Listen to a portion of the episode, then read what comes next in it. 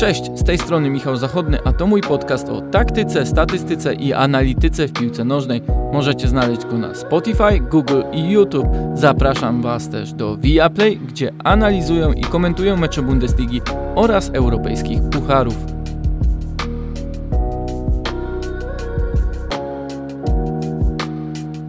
Szerokim echem odbiła się w minionym tygodniu wypowiedź Tomasa Millera po meczu Bayernu z Barceloną o tym, że rywale nie byli w stanie dorównać mistrzom Niemiec pod względem intensywności.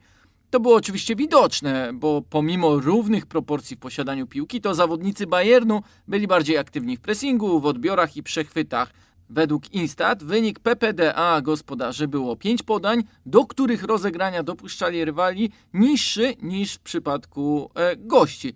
O tym, co oznacza ten współczynnik, również w tym odcinku usłyszycie. Jednak zamiast przytaczać kolejne statystyki, chciałem po prostu porozmawiać o intensywności. Zwłaszcza, że w efekcie samego spotkania i uwagi Millera wplątałem się w długą dyskusję o tym, co tak naprawdę to oznacza. Rozmawiając z kibicami Barcelony, zauważyłem, że pojawiają się kwestie taktyki, oczywiście umiejętności zawodników, przygotowania ich do sezonu itd. Uznałem więc, że warto sprawdzić, czym faktycznie ta intensywność jest. Instynktownie odpowiemy, że zależy ona od tego, jak zawodnicy po boisku biegają, ile pokonują kilometrów, jak wiele zaliczają sprintów, przyspieszeń i hamowań. Te ostatnie wartości w ostatnich latach najbardziej rosną, bo pod względem objętości piłkarze niewiele więcej mogą z siebie w ciągu 90 minut dać. Przykładowo Prozone, który zbiera dane z meczów od sezonu 2007-2008, zauważył, że w Premier League wykonuje się aż o ponad 40% więcej biegów o wysokiej intensywności. Zresztą dystans całkowity, co myślę, że dla Was jest zrozumiałe, nie jest żadnym wyznacznikiem intensywności. 12 km w 90 minut to średnie tempo 7,5 minuty na 1000 metrów, raczej mało imponujące dla każdego biegacza amatora. Myślę też, że od czasu, gdy Jurgen Klopp mówił o wymogu wybiegania przez zespół 120 km w meczu, by go wygrać i otrzymać dzień wolny, także jego postrzeganie w tej kwestii zmieniło się lub po prostu rozwinęło.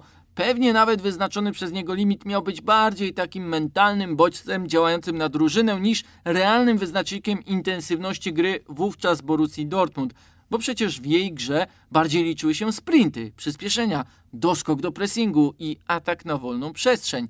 Ale intensywność nie może być rozumiana wyłącznie jako pressing.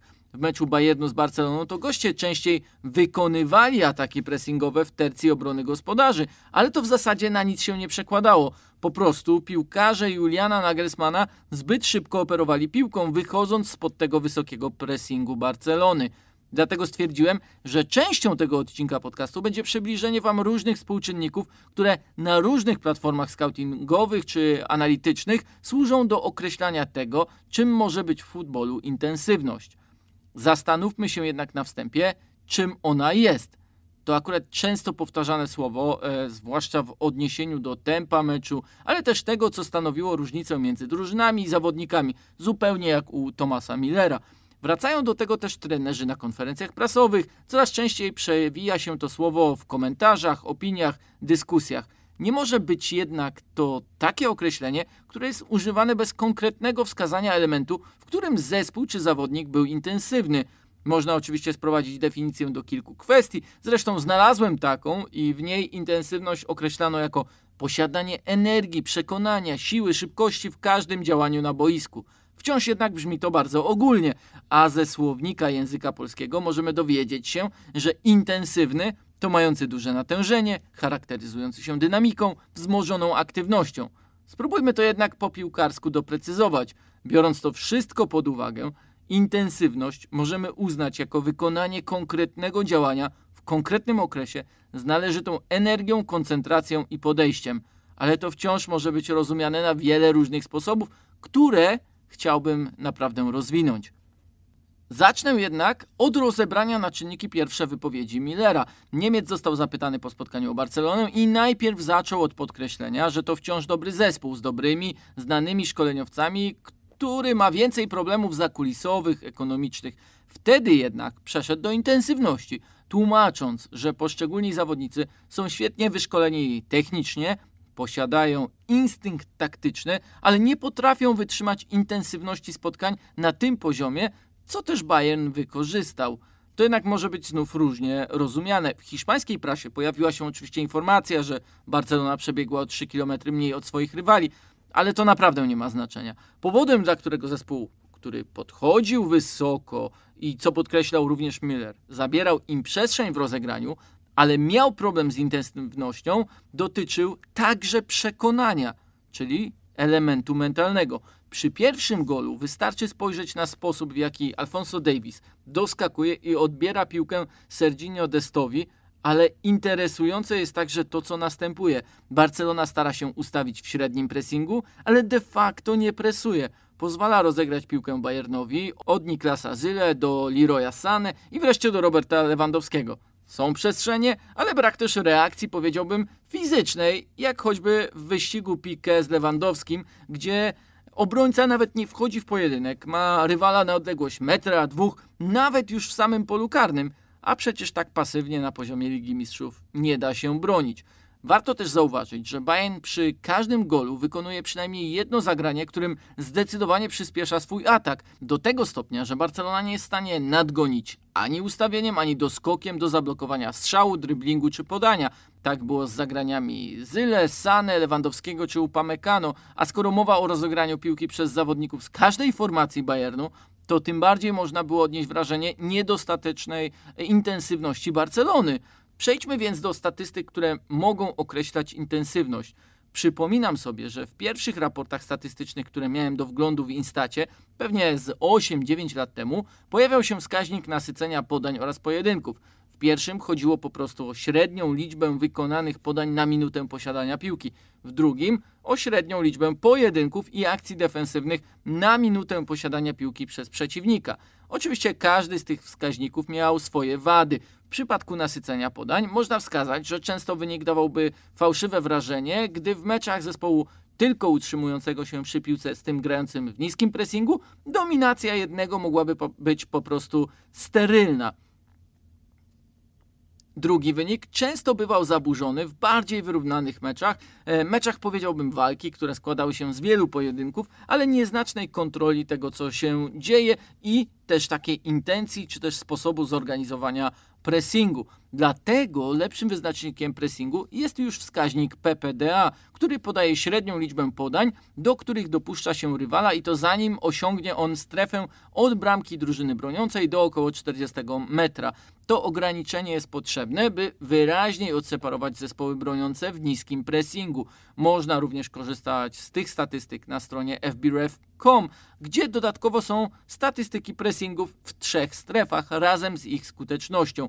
Ta Barcelony w meczu z Bayernem, trzymając się wyjściowego przykładu tego odcinka, była niższa o 8 punktów procentowych od średniej drużyny w lidze hiszpańskiej. Co więcej, skuteczność pressingu Barcelony była też najniższa od spotkania z Celtą Vigo, gdy Xavi oglądał mecz jeszcze z trybun, a zespół nie potrafił utrzymać wypracowanego do przerwy trzybramkowego prowadzenia. Co więcej, w tym meczu ledwie co piąty pressing kończył się odzyskaniem posiadania i Xavi na pierwszym treningu z piłkarzami zwrócił im na to uwagę. Początkowo oczywiście w meczach z Espaniolem i Benficą była widoczna poprawa w tej skuteczności, ale ostatnie dwa mecze to powrót poniżej średniej Statystykę PPDA można znaleźć także na stronie theanalyst.com, gdzie każda z czołowych pięciu lig jest odpowiednio przedstawiona. Różnice pomiędzy tymi samymi wskaźnikami u różnych dostawców wynikają głównie z interpretacji i sposobu kodowania zdarzeń, a to raczej konieczne do zrozumienia i trzeba też pamiętać, gdy porównuje się statystyki z różnych portali. Przykładowo, na wspomnianej stronie The Analyst, Barcelona jest na trzecim miejscu w swojej lidze pod względem PPDA, gdy już Y-Scout klasyfikuje ją na pierwszej pozycji spośród czołowych pięciu lig Europy.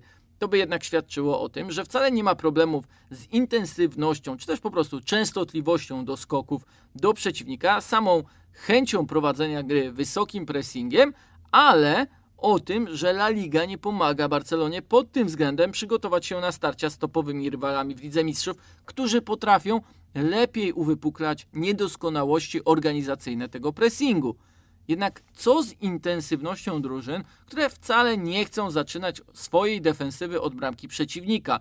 Dla przykładu wykorzystam West Ham, który nawet we własnej lidze jest na 15 pozycji pod względem PPDA i tylko Newcastle oraz Tottenham rzadziej odzyskiwały piłkę od 40 metra do bramki przeciwnika. Ale już tylko 5 drużyn oddało więcej strzałów i nikt nie zdobył z tego więcej bramek. Jurgen Klopp słusznie zauważył, że postęp ekipy Davida Moisa wynika właśnie z intensywności, bo stosują kontrpressing, czyli wybierają sobie momenty tych doskoków, w których są energetyczni i mało skomplikowani, gdy już posiadają piłkę. W poprzednim sezonie takim przykładem dosyć nieoczekiwanym mogło być Barnsley z Championship, które grało również w dosyć bezpośredni sposób, ale w czterech czołowych ligach w Anglii tylko Manchester City oraz Liverpool zaliczyli więcej odbiorów w strefie obrony przeciwnika. Nikt nie miał też lepszej średniej sekwencji pressingowej, kolejnego wskaźnika e, przygotowanego przez firmę Opta. Są też oczywiście możliwości pokazania tego, jak intensywne są ataki, już nie tylko poprzez długość utrzymywania się przy piłce, czy liczby podań wykonywanych przez zawodników.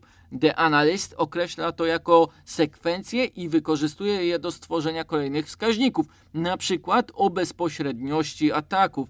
Oznacza to liczbę takich sekwencji, które zaczynają się na własnej połowie, ale w przynajmniej 50% działań przybliżają drużynę do bramki przeciwnika i kończą się strzałem lub kontaktem z piłką w polu karnym.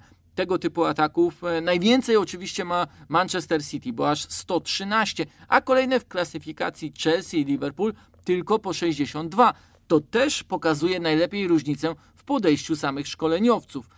The Analyst e, także przedstawia kolejne wskaźniki, które określają, ile metrów na sekundę pokonuje zespół, czyli jak bardzo progresywnie gra w posiadaniu piłki. Z kolei StatsBomb ma jeszcze wskaźnik agresji, czyli działanie odbierającego piłkę w ciągu dwóch sekund od jej przyjęcia przez przeciwnika, a także kolejny, który pokazuje proporcję kontrpressingów do pressingów danej drużyny. Tego jest naprawdę sporo, a i też sami szkoleniowcy różnie do tego typu statystyk podchodzą. Przypomina mi się jednak, gdy szkoleniowcem Chelsea został Thomas Tuchel i w pierwszym spotkaniu zremisował z Wolverhampton.